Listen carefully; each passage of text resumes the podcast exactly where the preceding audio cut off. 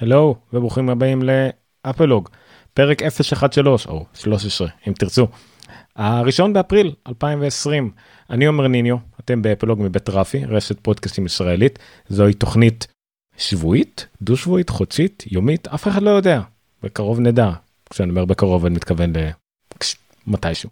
anyway, מה הערב בתוכנית? אז התוכנית הקודמת הייתה מיד אחרי שאפל הכריזה על אה, שני מוצרים עיקריים חשובים. אייפד פרו חדש ומקבוק אר חדש היה גם איזה שיפור קטן למקמיני ודברים שהתווספו למק פרו וכדומה. מה שנעשה היום זה נעבור על דברים שלמדנו מאז שהמושקים האלה יצאו דברים חדשים גילויים מסקנות ביקורות כמובן לפחות על המקבוק אר שיצא למכירה והאייפד פרו שיצא מיד למכירה והאייפד פרו שעכשיו התגלגל לו בימים האחרונים. אנחנו גם נדבר על שמועות וחדשות של ממש השבוע שבועיים האחרונים כולל עדכוני מערכת הפעלה חדשים של אפל הרבה מהתוכנות שלהם התעדכנו בהתאם יחד עם iOS 13.4.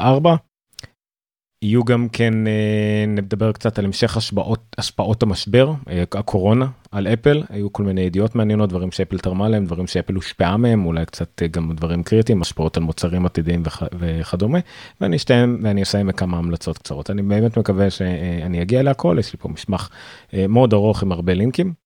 ודפדפן פה פתוח עם הרבה לינקים אני מקווה שנעבור עליהם.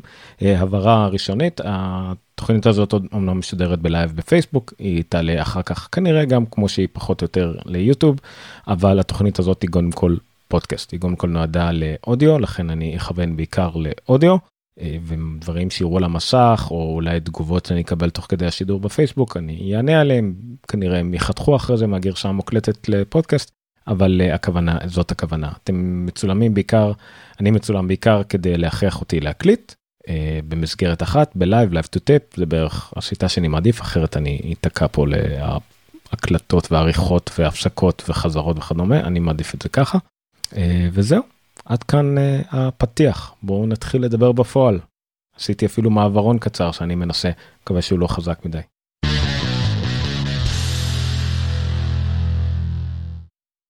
אז מה למדנו על מוצרים החדשים קודם כל נתחיל עם האייפד פרו.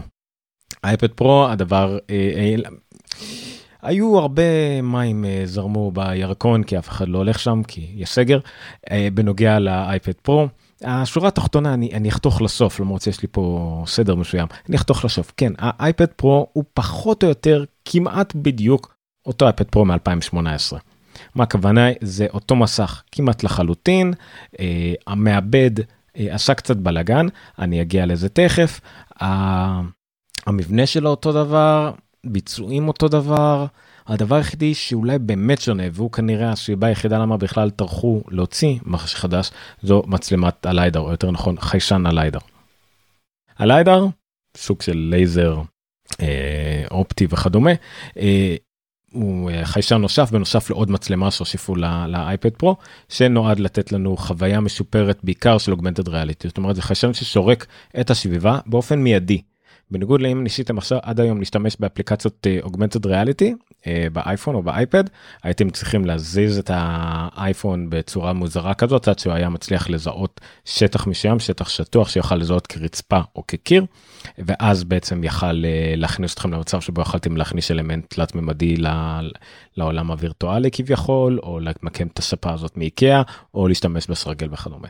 ליידר אה, נותן לנו את האפשרות הזאת של זיהוי המרחב באופן מיידי ממש עניין של אלפיות שנייה זאת אומרת שמיד אנחנו יכולים אה, להיכנס למצב שבו אנחנו יכולים לשחק עם רהיטים משחקים וכדומה זה השינוי המהותי והגדול והוא בעצם כמעט חלק הכרחי בחוויית אוגמנטד ריאליטי אה, אמיתית ואיכותית.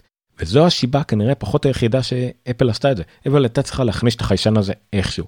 להכניס אותו למוצר הדגל שלה לאייפון כנראה שהיה קצת יותר מדי הם רצו קצת לחוות את זה קודם אולי לתת למפתחים הזדמנות לתת קודם לראות איך זה נראה על מכשיר אז כנראה שהם שמו את זה על אייפד פרו.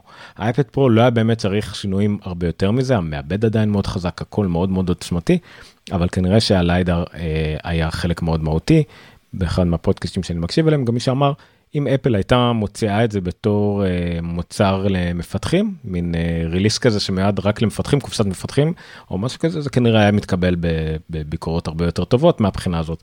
אבל להוציא את זה קצת כמוצר חדש לגמרי עם קמפיינים ומצגות ודברים כאלה, uh, זה היה קצת יותר מדי, למזלנו זה לא היה אירוע על במה, כי לא יכול להיות אירוע על במה, אז זה לא קצת uh, היה מביך יותר מדי.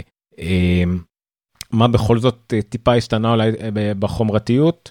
אה, עד עכשיו באייפד הקודם באייפד 2018 רק דגם ה-1 טרה הגיע עם 6 ג'יגה בייט RAM.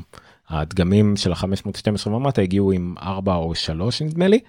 אה, לא כולם השתמשו בכל העוצמה הזאת אבל אה, היה גם בעיות של הקונטרולר והיו חייבים לשים את ה-6 ג'יגה כדי שיתמוך ב-1 טרה אפל רצה לחסוך בכסף. עכשיו כסף זה כבר לא פונקציה כל מחירי הרכיבים ירדו כל הדגמים מקבלים 6 ג'יגה בייט RAM שזה יפה מאוד.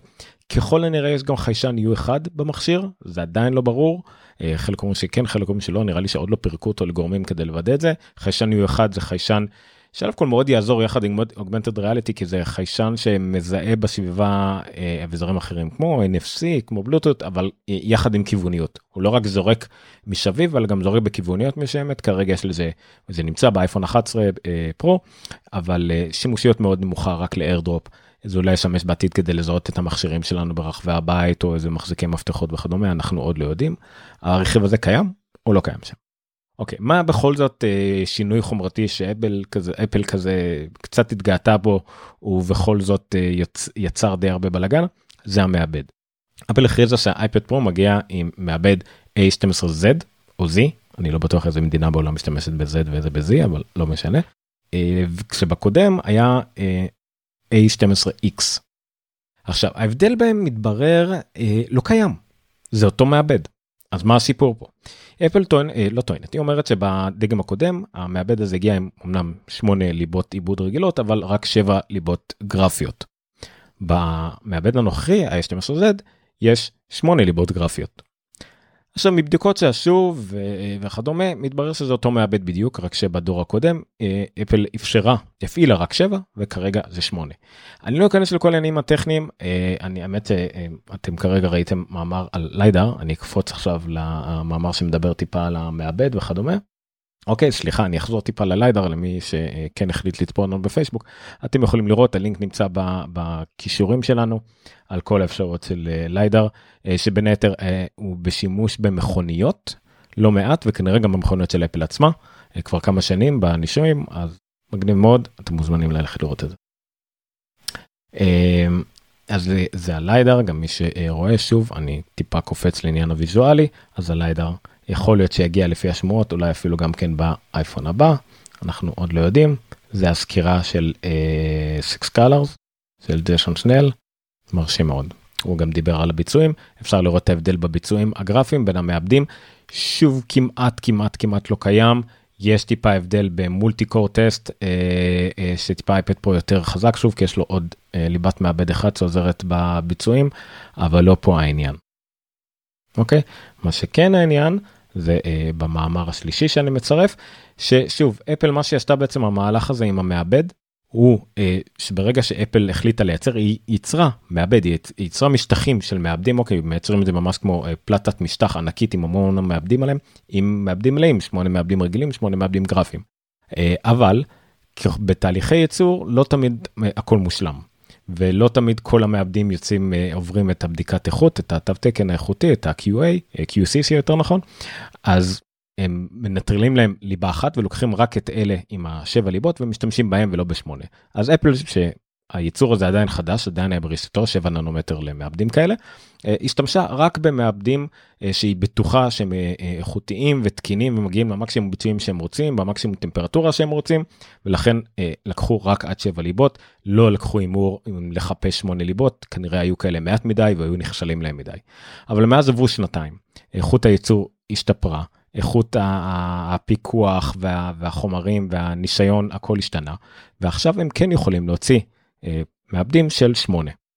אוקיי? של כל השמונה ליבות כולם עובדים. עכשיו זה התופעה הזאת התהליך הזה קיים בכל רחבי התעשיית הסיליקון באופן גורף אוקיי? יש, נותנים פה דוגמה אה, גם במאמר הזה על פלייסטיישן 3 שעבר אה, אה, אותו בלאגן עד שהם הצליחו לייצר, בעצם הנמיכו את הביצועים שלו כדי שיתאים. אינטל באופן מסורתי עושה את זה, בעצם מייצרת, אני, אני נורא מכליל, כן? זה ממש לא בדיוק המצב, אבל נגיד מייצרת ליין שלם של מעבדים עם 3 ג'יגה הרץ, אבל אז כל מה שהוא לא כל כך עומד בסטנדרטים, מוכרת את זה מעבד נמוך יותר של 2.5 ג'יגה הרץ, אוקיי? וגם הפוך, אם יש משהו עם, שהם רואים שהם יותר, הם יקראו אותו כדגם קצת איכותי ביותר כסף. זה אותה שיטה, זה אותה תעשייה, אין מה לעשות כשאתם מתעסקים עם ייצור סיליקון, עם ייצור מעבדים, יש המון המון אה, אה, שאריות, המון המון יתירות נקרא לזה, וככה מטפלים בזה, אז זה תהליך נכון לגמרי. אפל יכלה אולי טיפה להוריד את הווליום שלה, לקדם את זה בתור איזשהו דבר עצום, ולתת לזה שם חדש והכל, אבל הם היו צריכים את זה. הליבה הגרפית הזאת בהחלט כנראה עוזרת עם הליידר והמצלמה הנושפת וכל הדברים האלה, אבל מצד שני זה כנראה לא חזק מספיק בשביל צילומי פורטרט משוכללים או דברים אחרים שחשרים באייפד הזה. בכל מקרה אין מה לדאוג לאייפד פרו, האייפד פרו אה, מאוד מאוד חזק היה מאוד חזק כל ה... היה תלונות במרכאות עליו על. על הדגם הקודם שהיה חזק מדי הוא מחשב מעבד מוגזם ויותר חזק מהרבה לפטופים אין סיבה ש... אין לו שימושים מספיקים באייפד אז הנה אנחנו רואים את זה ממשיך את אותו מעבד חזק וכנראה גם עם הגרשאות מערכות הפעלה הבאות עדיין הוא ייתן את הביצועים המקסימליים זאת אומרת מכשיר לכמה שנים. אז זה היה האייפד פרו מבחינת חומרתית. הדבר הנוסף שאולי השתנה טיפה זה מיקרופונים. אני קצת טעיתי אולי אמרתי את זה שיש חמישה מיקרופונים במקום ארבעה אבל לא גם בקודם היו חמישה אבל הם כן שיפרו את מערך המיקרופונים ואת השינון רעשים וכל מה שקשור לזה בצורה שמאוד מאוד דומה למה שקורה במקבוק פרו 16 אינץ בכלל בכל ליין המחשבים שלהם הם עכשיו בקטע של לשפר את איכות המיקרופונים הם קוראים לזה באיכות סטודיו באיכות מה שזה לא יהיה זה לא בדיוק אבל מי שרוצה להקשיב אני לא חושב שאני אצליח להשמיע את זה פה אני אנסה את ג'ון גרובר אה, עשה בדיקה של, ה... של המיקרופונים האלה בישן ובחדש אני לא יודע אם נצליח לשמוע את זה. Hey, it's your internet pal John Gruber. I on a 2018 iPad Pro and a brand new 2020 iPad Pro as a test of the microphone systems. אוקיי, okay, זה היה האייפד פרו הישן, הנה האייפד פרו החדש. Hey, it's your internet pal John Gruber. I am recording simultaneously on a 2018 iPad Pro and a brand new 2020 iPad Pro as a test of the microphone systems. אוקיי אני לא יודע אם אה, אה, אפשר להקשיב לזה ממש לשמוע את ההבדלים אבל אה, יש הבדלים שינון רעשים יותר טוב על צליל יותר חד וקצת יותר נשמע כמו צליל קולי זה כנראה המיקרופונים גם מותאמים יותר להקליט קול קול אנושי שזה שוב מאוד הגיוני כי זה מיועד בעיקר לשיחות וידאו וכדומה ולא עכשיו באמת הקלטה של אולפן ושל מוזיקה אבל עדיין זה מרשים משפרים את זה שוב זה אמור להיות מוצר עסקי לכל דבר. אבל הדבר שליווה את האייפד פרו זה מערכת הפעלה שלו iPadOS 13.4 וזה דבר שבאמת הגניב הרבה מאוד אנשים התמיכה במקלדת בטרקפד ובעיקר המכה הקרשר נקרא לזה אוקיי העכבר של אפל. זה עובד כבר על כל האייפדים הנוכחים לא צריך לחכות למקלדת ולטרקפד החדשים של אפל כל מי שיש לו אייפד OS 13.4 יכול לחבר טרקפד עדיף מג'יק טרקפד 2 של אפל אה, למרות לא לא עדיף רק זה יעבוד נראה לי. אה, אם יש משהו אחר הוא יעבוד בצורה חלקית ולראות איך זה עובד וגם כל עכבר כמעט אה, בקיום יעבוד. ואני קשה לי לדבר על זה בלי להדגים את זה אבל אני מציע לכם מאוד לעקוב אחרי הלינקים שאני אשים ברשימות ולראות את כל הגיפים המגניבים שהוא עשה.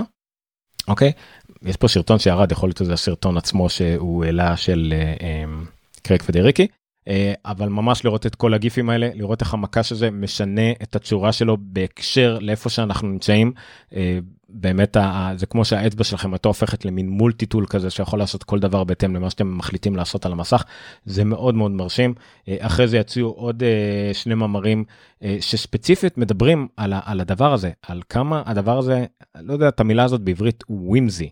אוקיי הקרסר החץ החץ עכבר הזה של אפל שהחליט לעשות על אייפד כמה הוא ווימזי כמה הוא מגניב השינוי צורה שלו ממקום למקום השינוי צבעים שלו הכל באנימציות מיותרות לחלוטין כאילו לא צריך את זה כדי שזה יעבוד. ועדיין אפל כנראה התעקשה על זה זה נראה מקסים זה נראה חמוד זה נראה כיפי וזה באמת העונג של שימוש במכשיר. גם ג'שון של ציין את זה גם בוויירד מאמר מאוד מאוד ארוך על זה. אוקיי? ממש ממש מאוד יפה שווה לקרוא את המאמר הזה בכלל באופן כללי של ווירד, מאמר מאוד uh, מפורט כמו כל דבר, ועל כמה הדבר הזה נותן לנו enjoyment של שימוש במכשירים שלנו ולמה אנחנו אוהבים את אפל. אה, המקלדת היא הדבר שבעצם כולם דיברו עליו בלי לדבר עליו, זאת אומרת כולם דיברו עליו, כולם רוצים אותו, אבל לא זמינה המקלדת החדשה של אפל, ה Magic Keyboard החדש של אפל. אה, דוקטור דרנג, בלוגר ואיש אינטרנט מאוד מאוד ותיק שחולה על הנדסה כי הוא מהנדס כנראה, לא כנראה, הוא מהנדס כנראה בגלל זה הוא חולה על הנדסה. אה, הסביר, מסביר בדיאגרמה מאוד פשוטה למה איך המקלדת הזאת עובדת איך האייפד מחוזק באוויר על ידי כמובן אה, מכניקה אה, מאוד מאוד בסיסית אבל עדיין ואיך זה לא יעבוד ועדיין זה מאוד מאוד מקשים אנחנו צריכים לראות את זה או איך זה עובד על אמת אבל הפיזיקה מאחורי זה איך זה יעבוד בפועל וכמה יהיה לנו כיף ונוח אנחנו נדע כשנראה את המקלדת הזאת מתישהו במאי אם לא עיכובים ואני צופה שזה הופך להיות אחד מהמוצרים שימכר הרבה יותר מהר ממה שאפל יכולה לייצר אותו זה בטוח. אוקיי המוצר הבא שאפל uh, כמובן uh, השיקה באותו יום והיה גם זמין מיידית זה המקבוק אר החדש עכשיו מקבוק אר בניגוד למקבוק לאייפד פרו כן קיבל הרבה תשבחות. אה, זה היה שינוי די רדיקלי במקבוקר, אה, לא קטן בכלל, למרות שהוא נראה למראית עין וחיצונית אותו דבר, אה, היו בו הרבה מאוד שינויים שהפכו אותו, אפשר לראות פה, אז יש פה פיליפ אלמר דוויט ריכז פה את כל הביקורות עם תקצירים, ממש באופן גורף כולם קראו לו כמחשב הטוב ביותר לרוב האנשים. אוקיי? כשמישהו בא לך אתה קודם כל שואל אותו איזה מערכת הפעלה אתה מעדיף? אוקיי? בוא נגיד אם אתה מכור לווינדוס אתה חייב רק ווינדוס לך על ווינדוס.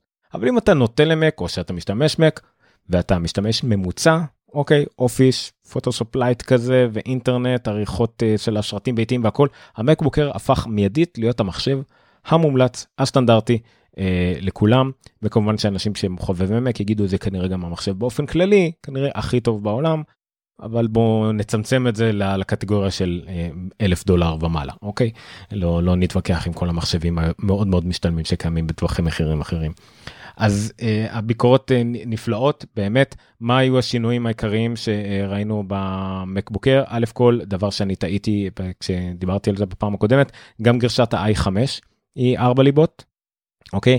והגרסה הכי משתלמת by far היא כנראה גרסה שתעלה 1299 דולר שוב המכשיר הזה בבסיס שלו עולה 999 אה, דולר ל-i3 עם 256 ג'יגה בייט hard disk ו8 ג'יגה בייט זיכרון אבל לדעתי הגרסה הכי משתלמת by far במיוחד אם אתם סטודנטים שיכולים להוריד עוד 100 דולר מהמחיר זה הגרסה של i5 שהיא 4 ליבות 512 ג'יגה זיכרון ו-16 ג'יגה בייט RAM זה ביחד 1299 דולר למחשב שהוא באמת top of the line כנראה בכיף חמש שנים הקרובות אלא אם כן אפל תעשה איזה שינוי קריטי ל ARM והמחשב הזה ייראה מיושן אבל עדיין זה באמת יפה. ג'ון גרובר מ Daring Fireball תיאר את זה delightfully close to perfection אוקיי ממש קרוב לשלמות כי שום דבר לא מושלם אבל קרוב מאוד.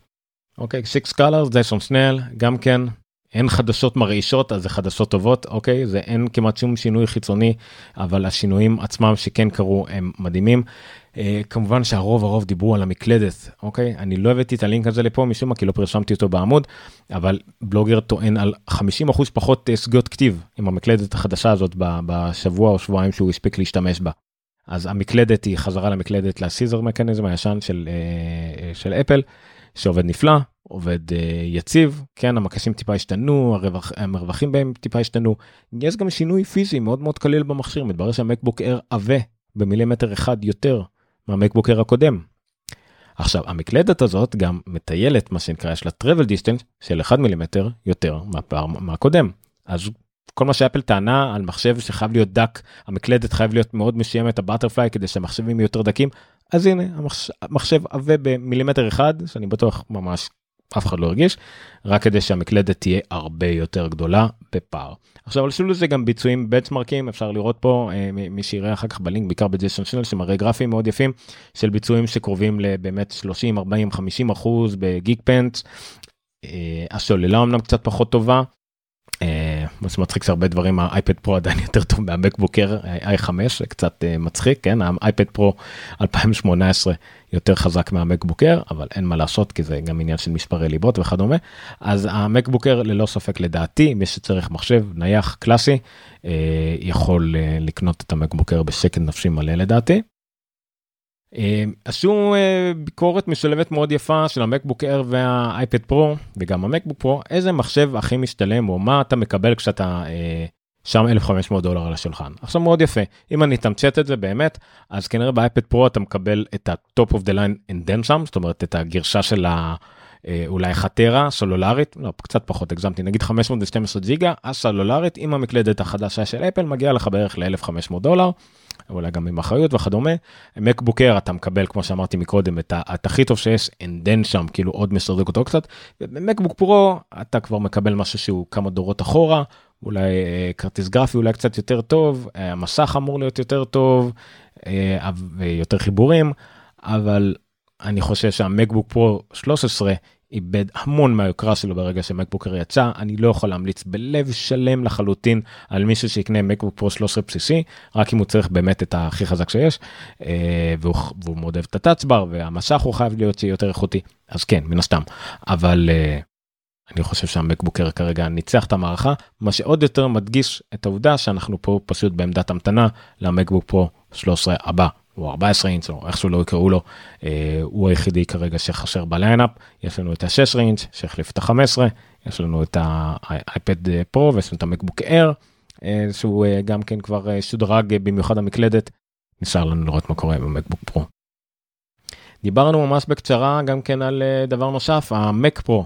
מק פרו קיבל שלושה אביזרים חדשים, מק פרו זה מוצר שיצא לפני כמה חודשים ומאז מטפטפים ומטפטפים לו עוד accessories וכדומה, לא הכל היה מוכן, אה, הגלגלים אפילו למחשב הגיעו רק יותר מאוחר. אז עכשיו אחד ה accessories שהם מאוד אה, דיברו עליהם, expansion card שהם מאוד דיברו עליהם בזמנו, אה, נקרא Afterburner, יצא למכירה ב-2000 דולר. לכרטיס הזה יש כרגע מטרה מאוד מסוימת וזה להאיץ מאוד מאוד את ביצועי העריכה בכל מה שקשור ל ProRes, אוקיי, ProRes זה כאילו אה, אה, הקידוד של אפל לוידאו, מי שעובד עם Final Cut וכדומה זה הקידוד שהוא משתמש בו, בהרבה מצלמות תומכות בו. זה הכרטיס, הוא תופס שיש לו מקום מיוחד ל Afterburner במק פרו, ומי שמשתמש בו הביצועים פשוט קופצים ברמות מטורפות. אה, על הדרך אני אקפיץ מודעה מההמשך, אה, עדכון שאפל הוציאה מההמשך לעכשיו, אפל הוציאה עדכון לקידודי ProRes של ה ProRes RAW, גם לווינדוס. זאת אומרת גם מי שמשתמש בתוכנות אדובי בווינדוס יוכל לצפות בתכנים שמקודדים ב ProRes. זאת אומרת יש לך מק פרו, אם, אם שערכת אותו עם, עם Afterburner וכל הדברים בשם מהירות והכל אתה תוכל את החומר גלם כמו שהוא להעביר למישהו באדובי אה, עם PC והכל כדי לצפות בחומר אני לא יודע לגבי עריכה כרגע זה עדיין לא רלוונטי אבל לפחות לצפות playback אה, ודברים כאלה כן אפשר לעשות על מחשבי אה, PC.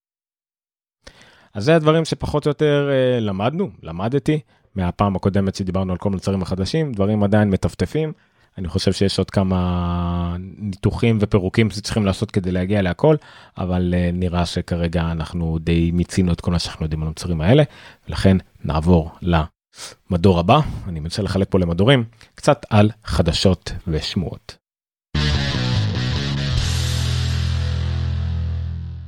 אוקיי, אנחנו נפתח בדבר שהתחיל את הכל, את כל התקופה הזאת, אה, מיד אחרי שיצאו המוצרים החדשים, אה, במיוחד האייפד, אייפד פרו, אז היה צריך את המערכת הפעלה שתתמוך בו, המערכת הפעלה יצאו ב-24, iOS ואייפד OS 13.4 והמק OS 10.15.4. עכשיו קצרה היריעה מלתאר פה את כל מה שהמוצרים האלה אה, מכילים. אז אני אנסה לעבור ממש ממש בקטנה, אה, אה, אבל אם אתם רוצים לדעת יותר, כנראה האתר הכי טוב כדי ללמוד על, על אייפד ועל פיצ'רים לאייפד לעומק, לא רק בולט פוינט, זה אתר שאתם רואים מולכם והוא יצורף בחלק הזה ברשימות של Mac Stories. אז יש פה כתבה מאוד מפיקה, יצאה כמובן מקיפה, יצאה כמובן ב-24 למרץ, על כל מה שיש ל-iOS 13.4. אם אני באמת אתאר את, ה... את הגולות הכותרת, זה כנראה בדיוק מה שיש בכותרת, שני דברים עיקריים. תמיכה בחץ, אה, בעכבר או מה שזה לא יהיה לאייפדים, אוקיי? אייפד קרסר ספורט ושיפורים למקלדת, באים, אפשר להגיד שהם באים ביחד, כל מה שקשור לאקססורי של אינפוט לאייפדים. אה, והפיצ'ר שהוא קצת יותר גלובלי זה ה-shared folders ל-iCloud. shared folders ל-iCloud זה הדבר uh, שהושיפו במיוחד שהיה חסר הבטיחו אותו עוד ממש ממש בהתחלה של ה-iOS 13. Uh, זה מאפשר לנו בעצם עד עכשיו יכלנו לשתף קבצים בתוך iCloud, לתת לאחרים גישה וכדומה. אה, זה נוח לפה ושם, אבל לא נוח לעבודה משותפת אמיתית. אפל הוסיפה לא מזמן בנוטס אה, אפשרות לשתף תיקיות, אז עכשיו גם כן ב-iCloud עצמה לשתף תיקיות שלמות, אני יכול לעשות תיקייה משותפת לי ולאשתי, לי ולחבר מהעבודה, ופה לשים מסמכים משותפים, כל מה שבפנים משותף וכולם רואים את התיקייה הזאת. פיצ'ר כמובן שקיים לכל שאר השירותים כמו דרופבוקס, גוגל דרייב וכדומה, אבל עכשיו הגיע גם לאפל. לי אישית יש שתי טרה ב-iCloud. אה, מכורח הנסיבות כי 200 היה מעט מדי והשלב הבא היה שתי טרה אז עכשיו אני מאוד אה, נרגש להשתמש בכל ה... בכל הנפח הזה אני אכניס גם את אשתי לתוכנית משפחתית והכל אז זה כבר כמובן פיצ'ר מאוד מאוד אה, רלוונטי אז יש פה במאמר הזה סקירה באמת מאוד מקיפה של כל השינויים בעכבר וטרקפד ומקלדת. יצאו עשרות סרטונים בזה אתם יכולים לראות בזה כולל מאפל עצמה. אני יכול להגיד אני עוד לא ניסיתי את זה בעצמי אני יכול להגיד שזה מאוד מעניין אותי. זה ממש מקדם את האייפד להיות מין מכונת עבודה. יכול להיות שאני כרגע מנסה לערוך את הפודקאסטים שלי על, על האייפד עם פנסיל. אני אולי אחבר את זה למשך חיצוני ואני אנסה לערוך אה, עם עכבר ומקלדת מחוברים לאייפד באותה תוכנת עריכה, יכול להיות שזה יעבוד, יכול להיות שזה מעניין, אבל זה בעצם מאפשר לנו לחבר את האייפד עכשיו למסך חיצוני כמעט בלי לגעת במסך. ברגע שהעכבר, הטרקפד, מחליפים את האצבע בכל דבר במערכת ההפעלה, והטרקפד בכלל עם כל ה gesture שלו, אז אין לנו צורך לגעת באייפד, האייפד יכול לשבת בצד, לחבר למסך גדול עד 5K, להזכירכם, האייפד תומך. אה, ולעבוד מול המסך עדיין במצב mirror ראיתי אנשים שואלים את זה אין אין לאייפד עדיין מצב שבו המסך המשני הוא, הוא נפרד הוא לעוד חלונות או לעוד אפליקציות. זה עדיין רק במצב מראה מלבד אפליקציות מסוימות. שוב כי אין היגיון בזה כי עדיין אפל לא תאפשר לעשות משהו כזה כי אז אם אין לך עכבר אין לך מקלדת מה תעשה למשך השני הרגיל? הוא לא מגע אין לך איך לגעת שם בדברים אין לך מולטי טאץ' אז, אז זה לא יקרה כרגע לדעתי אצלו משהו יותר דרסטי ישתנה או שאפל תוציא איזשהו מסך מגע מה שאני לא רואה את זה קורה. אז כן גם פה יש תיאורים מאוד מקסימים של כל השיפורים האלה והלחצן המגניב והמשעשע את זה. המון שיפורים במקלדת. אה, מקלדת זה מסוג הדברים שהם תוך כדי ריצה מה שנקרא כיוון שהמקלדת בהתחלה הייתה הרבה יותר מותאמת למק ולא לאייפד והם הוסיפו כל פעם שיפורים לקיצורים ואיך לעבוד עם זה וזה רק עובד יותר ויותר טוב. יש ממש משכים של קיצורי מקלדת שרואים את כל מה שקורה זה הפך להיות ממצב של accessibility של nice to have למשהו שבאמת יכול להיות האפשרות הראשונה שלך לעבוד עם מקלדת באייפד. אז זה, זה מאוד מאוד מקשים. דיברנו על iCloud על iCloud shared uh, shared folder ויש עוד כל מיני ממש פיצ'רים קטנים. אני לא אכנס אליהם יותר מדי יש כמובן המון אנימוג'ים חדשים אימוג'ים וכל הדברים האלה. הרבה דברים שקצת ידחפו אנשים לשדרג כי זה מגניב. יש family sharing ב-TV app, זה יפה שיש גם עניין של arcade games, קרקי אולי בעתיד זה משהו שנראה לי אפל לא כל כך מסתירה אותו אבל גם בקוד אפשר לראות שנוכל כנראה עם האייפון לפתוח את הרכבים העתידיים שלנו. עדיין לא ברור לגמרי איך זה יקרה ואיזה פלטפורמה אבל עדיין. אז זה לגבי ה-iOS 13.4 ו-iPadOS 13.4 היה כמובן עדכון גם למערכת הפעלה של המק לקטנינה 10.15.4 פה שזה תחום שאני קצת יותר מבין בו אז גם פה התווסף ה-iCloud אה, Drive Shared Folder, גם השיתוף תיקייה. שוב, אם, אם אתם רוצים לשתף תיקייה מהאייפד המעודכן שלכם למישהו עם מק, חייב שלא את הגרשה האחרונה. זאת אומרת, למק שלי למשל, אין לכם מה לשתף, עדיין אין לי את הגרשה האחרונה על, על המק שלי, אבל שוב, אפל קצת קופצת פה בקטע שלי, מקווה שכולם ישדרגו לאותו קו. קצת טעות בכל מה שנוגע למקים, כי עדיין הרבה הרבה מהתחום המקצועי לא ממהרים לשדרג, במיוחד שקטלינה הייתה שדרוג מאוד מאוד משמעותי מבחינה טכנית מהמערכת הקודמת בגלל זה שהם זרקו את כל ה-32 ביט אז uh, זה יכול להיות בעיה. סקרין טיים שיפורים אה, מאוד מאוד טובים לסקרין טיים במק. סקרין טיים זה זמן משך כמו שהיה uh, כמו שיש לאייפונים די מזמן שליטה על מוזיקה וכדומה. שיפורים לשפארי לשפארי התווסף הרבה דברים שקשורים לפרטיות חשימת עוגיות וגם כן ניגון HDR נחמד בנטפליקס. אמ, הדבר אבל שהוא די קריטי שהוא אתם אולי לא תשימו לב אבל יהיה מאחורי הקלעים אני אשאיר את המאמר הזה כמובן ברשימות כדי שתוכלו לראות. אה, זה דבר סליחה זה דבר אה, קצת יותר מאחורי הקלעים אה, מאוד מאוד קריטי שבו הרבה תוכנות צריכות להשתמש במשהו שמי שבא מעולם ה-PC מכיר בתור driver זה בעצם תוכנה שצריכה להתחבר לליבת המערכת לחומרה של המערכת כדי ש...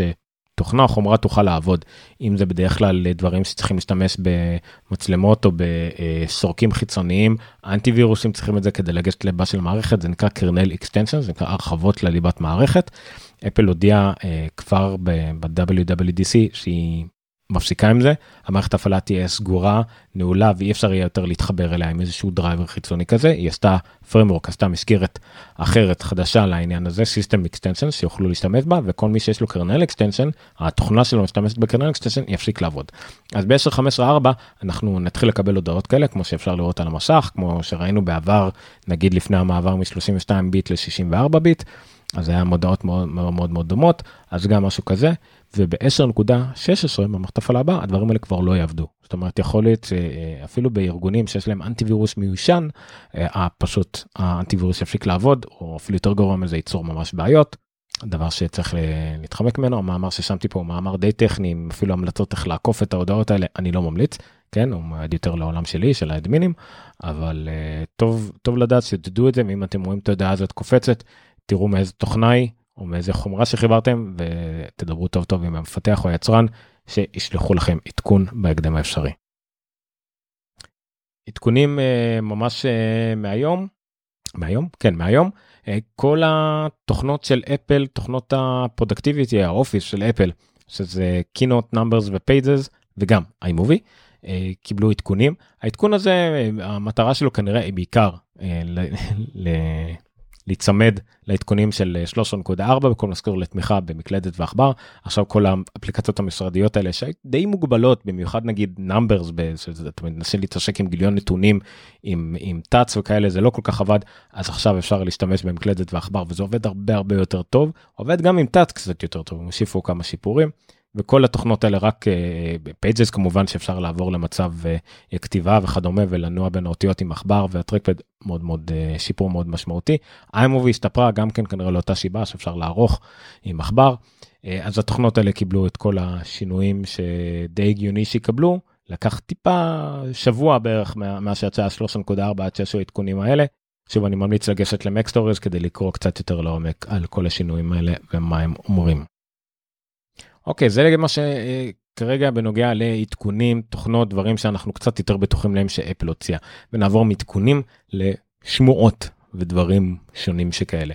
אה, עכשיו מה שהבאתי פה זה, אה, זה חצי שמועה. אוקיי זה חצי שמועה מתברר שמאז היה גם אה, המשך לשמועה הזאת. השמועה הזאת מדברת על אייפון 9 או מישהו קרא לזה אייפון קלאסיק אולי אנחנו עדיין לא יודעים איך יקראו לזה. בכל מקרה מדובר על אייפון שיחליף כנראה את האייפון SE אוקיי את האייפון המוזל של אפל, אה, כנראה קוראים לו אייפון 9, לא יודעים. בכל מקרה, יש שמועות כבר הרבה זמן שהוא יגיע, והיה שמועות שהוא יתעכב בגלל קורונה, ואז עוד פעם שמועות שהוא יגיע בינתיים כדי למלא את הפער עד שיהיו מוצרים אחרים, אה, לא יודע.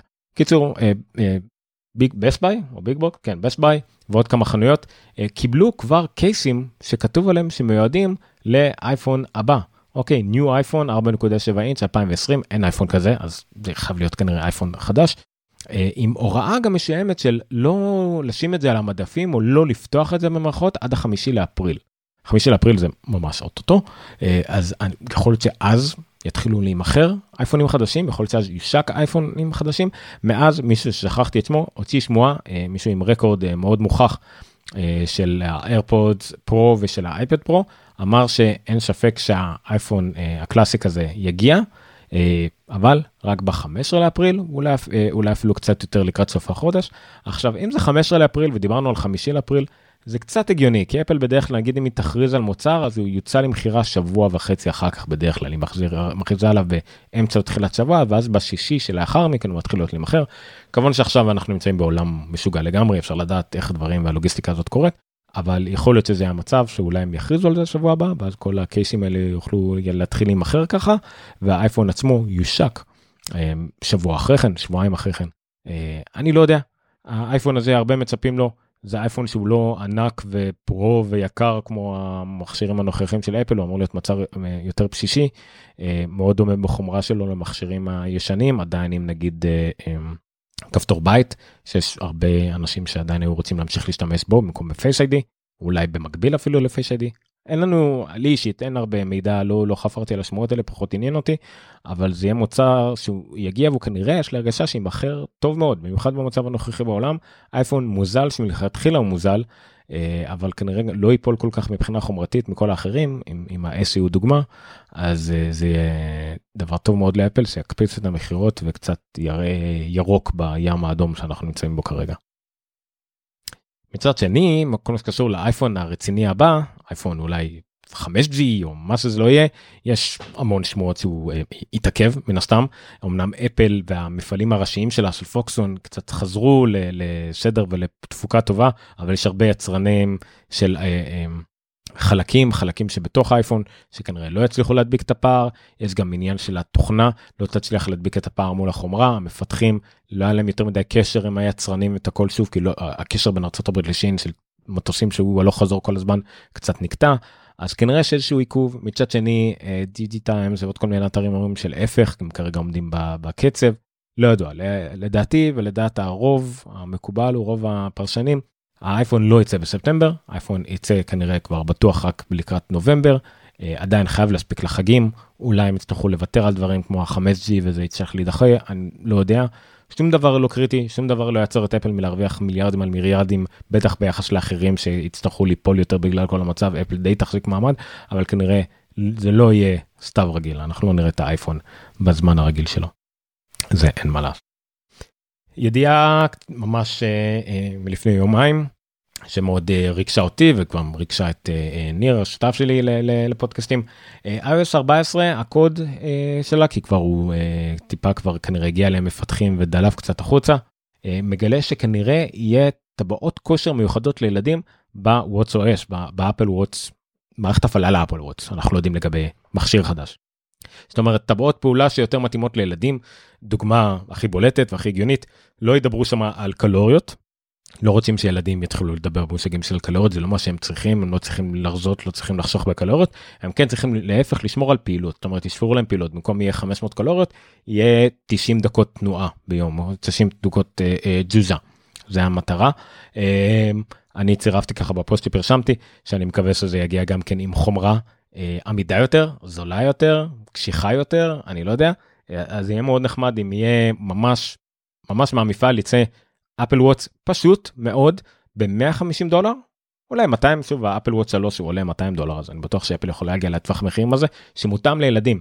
כן הוא יהיה עם gps אולי אפילו עם איסים עם סלולרי אולי שוללה קצת יותר טובה מהרגיל שיספיק ככה לאיזה יום מלא פעילות אבל לבן שלי למשל יש שעון חכם כזה קידי וואטס בסדר צריך להטעין אותו פעם ביום אם הטעינה נוחה אז זה לא כל כך נורא אם השעון הזה בתמורה נותן לנו uh, מעקב צמוד אחרי הילד ומעקב אחרי כל מה שיושב ואם הוא נפגע ויש לו SOS וכל הדברים האלה הכל כמובן בהתאם להגבלות פרטיות וכל דברים שאנחנו נקבע ולא שמישהו יקבע בשבילנו.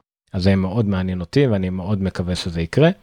אה, אז הידיעה מאוד אופטימית יש לי הרגשה שאנחנו נראה הרבה דברים בכנס המפתחים הווירטואלי שמחכה לנו בקרוב. וחדשות מרישות שגם כן היו אתמול וכבר תסכלו כמה חברים אמריקאים שלי אה, אפל רכשה אפליקציה היא רכשה אפליקציה בשם דארק סקאי אוקיי? דארק סקאי זה אפליקציית אה, מזג אוויר מדויקת סופר מדויקת אפשר לקרוא לה אמריקאית הכי פופולרית לדעתי בפער אה, אם אתם אם מישהו לא משתמש בה אז הוא כנראה משתמש באחת מעשרות אפליקציות אחרות שמשתמשות בכלים שלה בשירותים שלה ב-API שלה כדי להראות שירותי אה, מזג אוויר. אה, היא התפרשמה בזה שיכולה לחזות על גשם שירד עוד 10 דקות מהמטר ממך אולי אני מגזים אולי לא אבל זה הטווח דיוק שלה היפר לוקיישן ממש. היא רלוונטית בעיקר בארצות הברית וקצת באנגליה היא לא אפליקציה בינלאומית. אפל בעצם רכשה אותה והיא עדיין נמכרת בחנות עד זמן לא ברור. מאנדרואיד מהחנות היא ירדה לגמרי. היא תפסיק לעבוד באנדרואיד בראשון ביולי 2020 אה, וכל אפליקציות צד ג' יוכלו להשתמש בשירותים שלה עד קיץ 2021 אז יש קצת זמן למצוא אלטרנטיבות אבל x לעצמה כנראה תפסיק להתקיים. כרגע היא נמצאת בחנות של אפל לדעתי בדומה אולי לשזם בדומה אולי אנחנו לא יודעים אם זה יהיה שזם יש שלוש אפשרות שזה יהיה. שזם שעדיין קיימת בצורה עצמאית לגמרי רק בחינם עכשיו. יש את שורטקאטס uh, שדי אותו דבר היא הייתה workflow הפכה להיות שורטקאטס אבל היא לא השתנתה הרבה רק השם השתנה והיא רק קיבלה יותר כלים. uh, ומצד שלישי יש את שירי. שירי שהייתה אפליקציה צד ג' חופשית והכל הפכה להיות חלק מהמערכת הפעלה של אפל בלתי נפרד ויש עוד uh, כמה כאלה שכרגע ברחו לי מהזיכרון אבל בטח יש עוד כמה כאלה שהוטמעו בתוך אפל. אנחנו לא יודעים מה יהיה עם Dark Sky כולם מקווים שאפל תשפר את המזג אוויר אה, בעצמה יש לה אפליקציית מזג אוויר משלה אבל היא משתמשת בנתונים מיהו ואין לה אפליקציית מזג אוויר נגיד לאייפד ולמק. אז אולי זה יעזור להם אולי זה acqui-hire זאת אומרת הם קנו את האנשים שיעזרו לה לפתח ולא את התוכנה עצמה כי שוב היא לא כל כך השירות לא כל כך רלוונטי מחוץ לעולם רוב הקשב של אפל מגיע מחוץ לעולם, לא, לא בארצות הברית, למרות שזה מן הסתם השוק אה, הכי גדול. אז אה, זה מעניין, זה היה חדשות די מרעישות כזה, פתאום רכישה משום מקום, אבל כנראה עובדים על זה הרבה זמן, זו תוכנה סופר פופולרית, אפילו שהיא קטנה, אז אה, אתה יודע, ידיעה נורמלית בלב כל הבלגן הזה, אז זה תמיד טוב. אז עד כאן פחות או יותר השמועות שונות חדשות עדכונים והכל. מדור הבא על מדור לא קבוע אני מקווה אבל לזמן הקרוב אין מה לעשות נדבר עליו לא מעט המשך השפעות המשבר על הקורונה על אפל. אז המשך השפעות המשבר הקורונה קוביד 19 או מה שזה לא יהיה. אוקיי אז אפל עשתה הרבה הרבה פעולות אה, שקשורות לקורונה בעולם על עצמה לאחרים בארצות הברית אני אנסה לעבור על חלק מהם עכשיו חלק הדברים שאפל עשתה וחלק על הדברים איך דברים משפיעים עליה. אז הדבר הראשון שהיא עשתה עוד ב-14 במרץ זה לעשות סטנדרטים מסוימים קבועים לגבי איזה אפליקציות יכולות להיכנס לחנות ואיזה לא כאלה שקשורות לקורונה. היא הסירה את כל האפליקציות אה, שדיברו על קורונה, ניסו לתת טיפים או נתנו דיווחים ממקורות אה, אמינים או לא אמינים, הסירה את כולם, רק אפליקציות רשמיות, אפליקציות שיכולות להוכיח שהן עובדות בצורה רשמית עם ה-CDC או עם כל הארגונים הרפואיים העולמים, יוכלו להישאר בחנות או יוכלו לאשר לחנות, אבל אפל באמת מנסה לשמור על uh, אמינות בקטע הזה ולא שהאפליקציה תחליט על דעת עצמה או שמשהו יקרה בגלל שאפל ישרה אפליקציה כלשהי. מצד שני, אפל בעצמה שחררה אפליקציה רק בארצות הברית, לא בדיוק רק בארצות הברית, אבל רלוונטית רק לארצות הברית, כי עובדת עם ה-CDC, עם, ה, עם אה, למחלות, ביקורת מחלות, פיקוח מחלות בארצות הברית, אה, אפליקציה שייעודית למלחמה בקוביד 19 בקורונה עם דרכים לאיך לעשות דיאגנוסה עצמית איפה אפשר להיות אה, להיבדק וכל הדברים האלה אפליקציה לאייפון ולאייפד וגם אתר למק מלא שפתוח לכולם אה, וכולם יכולים להיכנס אליו. מאוד מאוד מרשים, מאוד מאוד נחמד, בנו את זה די מהר. שוב, אמנם כמובן בשיתוף מעולם מלא עם הממשלה, אבל במקרה הזה זה לא דבר רע. דבר קטן נוסף שהיא עשתה למי שיש Apple Card זה עוד ממש היא, היא, היא דיווחה על זה גם כן ב-14 למרץ כל מי שיש לו Apple Card את כל התשלומים שלו הוא יכול לדחות ממרץ לחודש הבא לפחות אולי משהו השתנה מאז ללא עמלות ללא ריבית ללא שום דבר שמשפיע עליו אז הוא יכול פשוט לדחות כל התשלומים שלו לפחות בחודש. אז זה גם מאוד נחמד למי שיש Apple Card, Apple Pay Card. דבר נדיר שקרה, שזה כבר איך דברים משפיעים על אפל, כשיצא אייפד פרו, מיד בהתחלה היה מגבלה עליו. זאת אומרת שיכלו לקנות רק עד אה, שתי חתיכות של אייפד פרו, לא משנה אם זה 11 או 12 9, מגבלה מאוד נדירה לאפל. אם זה קורה, זה קורה בדרך כלל באופן לא פורמלי, ב... לא, דווקא די פורמלי, בחנויות עצמם, בריטל יש חנויות מסוימות שלא מורשות לאף אחד לצאת עם יותר משתי, שני אייפונים נגיד, שהאייפון יצא, שוב כדי שלא יקנו בכמויות וימכרו במזרח ונגיד דברים כאלה, אבל פה זה פעם ראשונה, לפחות מאוד נדיר שזה קורה אפילו בחנות אונליין. עכשיו מאז די מהר, אני חושב תוך כמה ימים בודדים זה הוסר, הוסרה כבר הגבלה הזאת, אבל זה עדיין סממן לא רע למצב שעובר על אפל. עוד דבר נדיר שקרה זה טים קוק בסרטון uh, מאוד uh, אישי וקצר נשמע אותו אולי ברקע כן, uh, מאוד קטן החליטו לתרום 10 מיליון מסכות. נקשיב לו קצת. I'm also very pleased to tell you this morning that Apple is, has sourced, procured, and is donating 10 million masks to the medical community in the United States. These people deserve our debt of gratitude for all of the work that they're doing on the front lines. Okay, אז אפל תורמת 10 מיליון משכות בארצות הברית כרגע, אבל uh, מאז שאמרו גם שהם תורמים גם במקומות אחרים בעולם, לאזורים שבהם יש להם מפעלים או שיש להם נוכחות. 10 מיליון uh, בעולם, זה יוצא משהו כמו 200 אלף לכל מדינה, משהו כזה. לאפל וגם לפייסבוק וגם עוד חברות גדולות אחרות שנמצאות בעיקר במערב ארצות הברית. תרמו גם כן המון המון מסכות, לא יודע לגבי כמויות, זה לא תחרות, בין היתר בגלל שיש להם.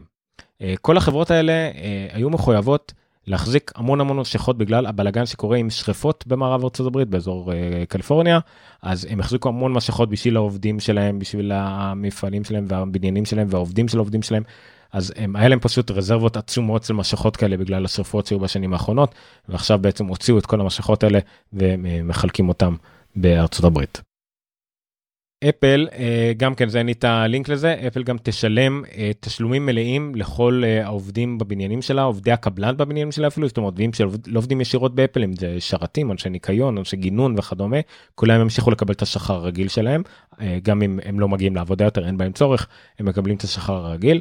לגבי עובדי אפל עצמם, מתחלק לשניים, יש הרבה עובדי retail, וכל החנויות באפל, של אפל בעולם, וכמובן גם בארצות הברית, נסגרו כרגע. אז אפל ניגשת לחלק מהעובדים האלה, חלק עובדי ריטל, עובדי החנויות, ומציעה להם עבודה מהבית, עבודה מרחוק, בתמיכה ללקוחות נוכחיים, דבר שצריך, זאת אומרת, אנשים עדיין קונים, קונים מרחוק, אולי גם צריכים לעקוב אחרי הזמנות שלהם וכדומה וכדומה, אז יש כרגע, אה, הם אה, מגיישים אה, מגייסים עובדים יש פה אפילו כמה עדכונים מאז שקראתי את זה פעם אחרונה ואם מישהו באמת מגויס לזה הוא מקבל איימק 27 בהשאלה עד הבית כדי שישמש אותו לעבודה הזאת מרחוק. מרשים מאוד כל הכבוד בסך הכל שאנשים ימשיכו לעבוד. הצד השני של העובדים זה עובדי פיתוח עובדים אה, אה, עובדים מהנדסים ועובדים הרציניים ובקלאסות ובשקלות הגבוהות של אפל מי שאחראי בתכלס על ייצור ופיתוח ותכנון המוצרים. אה, בלומברג ייצרו פה כתבה עם כמה רעיונות על שהשודיות של אפל מקבלת אתגר חדש. לאפל יש צורך לשלב בין לעבוד מהבית לבין לשמור על סודיות היא מאפשרת לעובדים בודדים שעובדים על חומרה להגיע למשרד, אין מה לעשות, יש לה עדיין מין אה, משרדים ומעבדות עם חומרה סופר שודית שבחיים לא יצאו מה, מהחברה, מהבניין, אבל יש גם הרבה שלא יכולים להגיע אה, למשרדים או למעבדות, גם במדינות מאוד בעייתיות, יש להם עובדי פיתוח, גם באיטליה, גם במקומות אחרים, גם בישראל אגב יש המון עובדי פיתוח מאוד מאוד חשובים, יש מחקר פיתוח מהגדולים בעולם של אפל, אה, אבל כרגע בארץ יש פחות בעיה וגם עובדי הייטק הם, הם נחשבים חיוניים אז הם עוד מצליחים להגיע פחות או יותר. אה, אבל עדיין יש כמות עובדים שכן יכולה לקחת ציוד הביתה, הוא מאוד מצומצם, אה, וכל אחד עובר אישור של ממש הדרגים הכי גבוהים שמדווחים ישירות לטים קוק, אה, אז ככה שהסודיות המפורסמת הזאת של אפל עומדת למבחן. בחודשים הקרובים נדע כמה הסודיות הזאת באמת compromised, הם סיכנו אותם, אם דברים דלפו, או שאפל הצליחה לשמור על סודיות, או שאולי זה פגע ואין על מה לשמור סודיות כי הם לא מפתחים דברים. כי אם הם לא יכולים לשמור על זה בסוד, הם מעדיפים לא להוציא את זה החוצה בלבד, בכלל. זמן יגיד, מה שנקרא.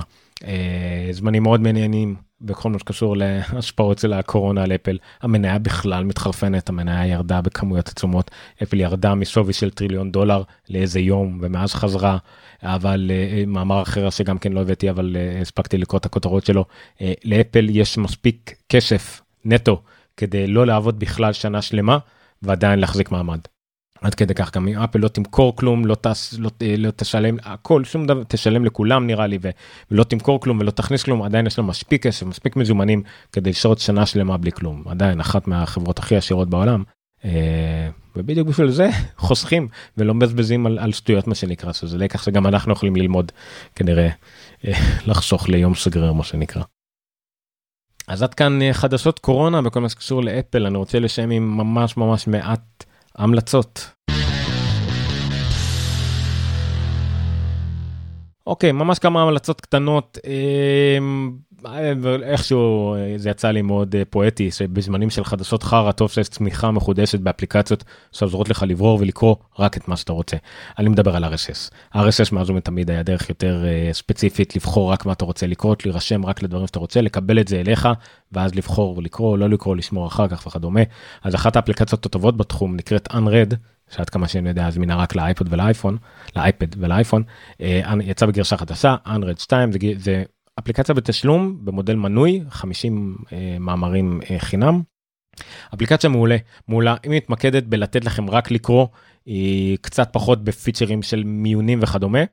אבל עדיין היא, הטקסט שלה נראה מדהים האפשרויות טקסט שאתם בוחרים נראים מדהימים זה באמת אפליקציה קלאסית של אה, שמותאמת לאפל עם המון המון דגש על דברים קטנים מדהימה לדעתי. אה, אני לא משתמש בה באופן קבוע אני המוח שלי מכוות לאפליקציה שנקראת רידר עם שתי e r e e d e אפליקציה גם כן של מפתח אחד כל כך הכל כבר שם הכל מותאם לי פרפקט שם אז אני משתמש בה. אנרד מדי פעם אני חוטא ועובר אליה ובאמת זה מקסים הכל מובנה על ג'סטרים וכאלה. אז אם אתם רוצים להתחיל איפשהו ולא אכפת לכם לבזבז כסף כמו שצריך על משהו טוב אז אנרד 2 זה מקום מעולה להתחיל איתו. דבר נוסף שאני רוצה להמליץ עליו זה מישהו. I'm Rene Ritchie and this. This. This. This. This. This. And this. This. This. This. This And this. This. is my brand new YouTube channel. ערוץ יוטיוב חדש, רנה ריצי, הוא היה העורך הראשי של איימור, הוא עבד שם 11 שנים, אחד האתרים הכי פורים בכל מה שקשור נוגע לאפל, וגם הוא בעצמו מאוד מאוד פורה, היה לו פודקאסטים והיה לו כתבות והיה לו אה, ערוץ יוטיוב את וקטור, מאוד מאוד אה, נפוץ עם, עם מיליונים כבר, הוא עבר כמה מאות אלפים, מיליונים של צפיות, מאוד פופולרי, מאוד מקורב לאפל בגדול. אה, אז הוא עזב את איימור. והחליט אה, לפתוח בדרך עצמאית, פתח ערוץ יוטיוב עצמאי. הסרטון הזה מקסים כי בהתחלה תמיד הפתיח שלו and this is vector and this is רנה ריצי וכדומה או מה שזה לא יהיה.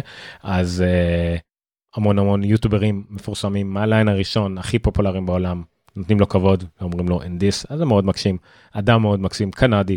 Uh, כן אנשים אומרים כמעט כל מי שנותן ביקורת הוא מעולה קצת חופר הוא לא הרבה חופר אבל מעולה אז כן זה רנה ריצי נאחל לו הצלחה עוד מישהו שמתערב כעצמאי לתחום בתקופה הכי גרועה בעולם לעזוב עבודה יציבה אבל אה, בסדר כל הכבוד לו בסך הכל אין, אין מה להגיד.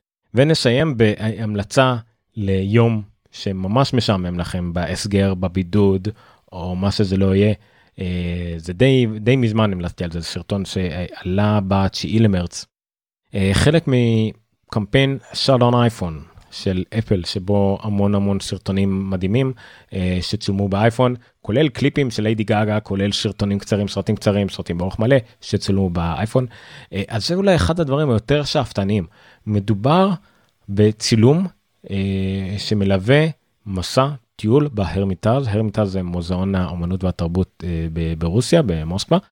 היית מוסקבה או סנט פטרבורג? אוי פדיחה. פדיחה אני לא יודע אם זה במוסקבה או סנט פטרבורג. אה, סנט פטרבורג, סליחה. אוף, יצאתי בור, למרות שהייתי שם פיזית, הייתי שם וטיילתי חצי יום או יום שלם, כמעט יום שלם אה, בארמיטז. אז זה לא יום שלם, אבל זה חמש שעות רצופות, צילום רצוף של חמש שעות, שבו מטיילים בארמיטז אה, בשוט אחד, שזה בהחלט מרשים. שוט אחד מדהים, יש פה פתאום אנשים שרוקדים, דברים מוזרים, אה, וזהו. אז זהו, עד כאן אפלוג להיום. אה, אני שומע ברקע את הבת שלי בוכה ואשתי כנראה במקלחת. אני לא יודע מה קרה זה אמור להיות הקלטה רק אני ואתם אבל יש חיים יש ילדים יש קורונה אז אני נפרד מכם. תודה רבה. אפלוג 013 אה, לראשון לאפריל. אה, תירשמו בפייסבוק חפשו אפלוג בפייסבוק חפשו אפלוג בטלגרם. מתברר גם אפלוג אני חושב שתחפשו ביוטיוב תגיעו אליי. כל הלינקים שם אני נאלץ להיפרד מכם. תודה רבה שהייתם איתנו. עד כאן אפלוג. נראה לי. אני לא יודע מה עשיתי כדי שתראו אותי ואני אפרט כמו שצריך. תודה רבה.